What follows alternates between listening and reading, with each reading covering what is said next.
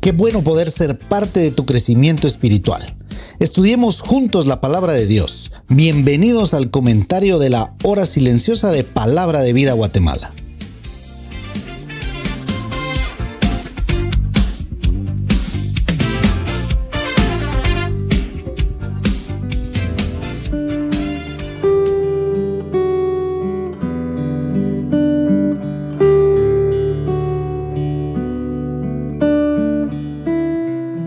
En el comentario de la hora silenciosa. Te saluda Oscar Fuentes del Ministerio de Palabra Vida aquí en Guatemala. Qué bueno es retomar nuevamente los comentarios y allí en Lucas capítulo 19 del 28 al 41 dice lo siguiente. Dicho esto, iba adelante subiendo a Jerusalén.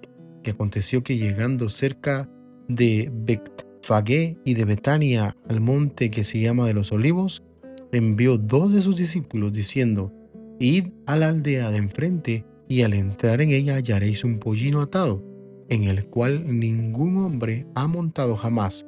Desatadlo y traedlo. Y si alguien os preguntare, ¿por qué lo desatáis? Le responderéis así, porque el Señor lo necesita. Fueron los que habían sido enviados y hallaron como les dijo. Verso 33. Y cuando desataban el pollino, sus dueños les dijeron, ¿por qué desatáis el pollino? Ellos dijeron, porque el Señor lo necesita. Y lo trajeron a Jesús, y habiendo echado sus mantos sobre el pollino, subieron a Jesús encima, y a su paso tendían sus mantos por el camino. Cuando llegaban ya cerca de la bajada del monte de los olivos, toda la multitud de los discípulos gozándose comenzó a alabar a Dios a grandes voces por todas las maravillas que habían visto, diciendo, Bendito el Rey que viene en el nombre del Señor, paz en el cielo y gloria en las alturas. Entonces algunos de los fariseos de entre la multitud le dijeron, Maestro, reprende a tus discípulos. Él respondiendo les dijo, Os digo que si estos callaran, las piedras clamarían. Y la verdad es de que cuando vemos acá eh, este pasaje, solo me lleva a pensar lo que decía un escritor muy famoso y decía, debes vaciarte de aquello de lo que estás lleno para que pueda ser llenado de aquello de lo que estás vacío. Y es que vemos aquí a Cristo en primer lugar en el verso 28 diciendo, iba adelante. Él estaba dispuesto a morir por nosotros, sabía que era lo que iba a acontecer, pero aún así fue adelante. Iba adelante de los discípulos en el verso 30, les dice que vayan a desatar a un pollino, que la gente lo estaba esperando. Él es así en nuestra vida, va delante de nosotros para guiarnos. Por eso a mí me llama la atención porque nosotros somos comparados como las ovejas. De hecho, Juan 10 dice que mis ovejas oyen mi voz y yo las conozco. Oyen mi voz porque Él va adelante para llamarlas, para guiarlas. Pero también Isaías va a mencionar, dice que todos nosotros nos descarriamos como ovejas. Cada cual se aparta por su camino, mas Jehová cargó el pecado del hombre, el pecado del mundo sobre él, pero nos descarriamos porque no vamos tras su guía. Así que quizás tu oración tiene que ser hoy, Señor, guíanos como has guiado a otros. Guíame como la nube de fuego que tuvo tu pueblo cuando lo guiaste por el desierto. Yo no sé cuál es el desierto que tú estás pasando el día de hoy, pero probablemente Dios te tiene que guiar en las decisiones que estás tomando, en el llamado que estás teniendo. Dile a Dios que te guíe, porque Él va adelante. Él siempre va adelante. Dame humildad para seguir, Señor, tu guía. Dile así al Señor. Así que vemos una gran lección acá. El verso 31, por ejemplo, eh, y dice, y si alguien les preguntare por qué lo desatáis, responderéis así porque el Señor lo necesita. Un escritor decía de esto, Cristo es el dueño y señor de todas las criaturas. Por eso pudo ordenar que desatasen y le trajesen un pollino ajeno cuando tuvo necesidad de él para este servicio. Esta frase tan común y, y prosaica, decía este evangelista en apariencia tiene aplicaciones profundas que pueden pasar desapercibidas en una lectura superficial del Evangelio. Si Jesús tuvo necesidad de un asno, ¿habrá algún creyente que se sienta inútil en la iglesia de Dios? Un tipo como de sarcasmo, ¿no?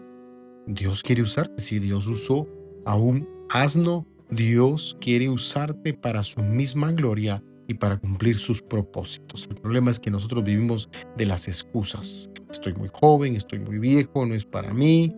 Y así sucesivamente vemos que Dios nos llama y nosotros nos hacemos los sordos al llamado que Él tiene.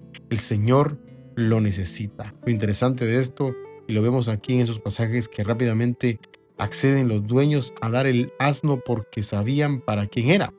¿Cuántos sacrificios para nosotros entregar cosas en realidad y que las retenemos? Quizás es hora de soltar las cosas que no nos sirven y poder de alguna manera entregárselas al Señor. Qué gran dicha la de este burro que fue usado por el mismo Jesús.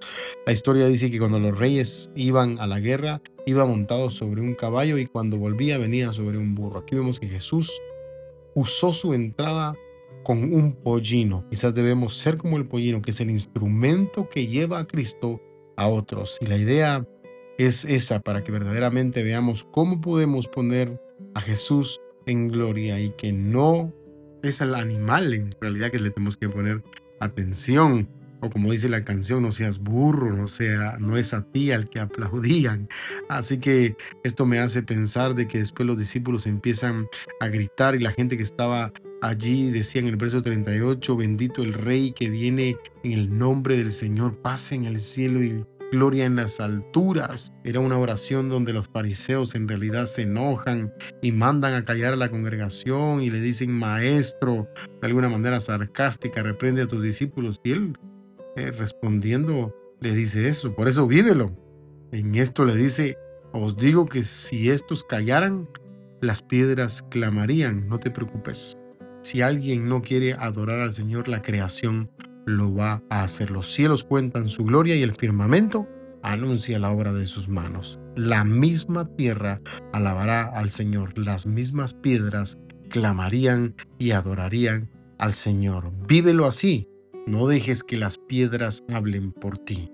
Que el soberano Dios bendiga tu vida grandemente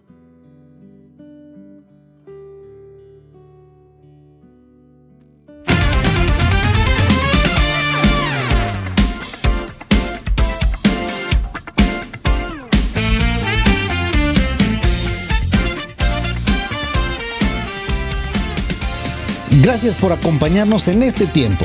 Te animamos a que continúes en contacto con la palabra de Dios. Que Dios te bendiga.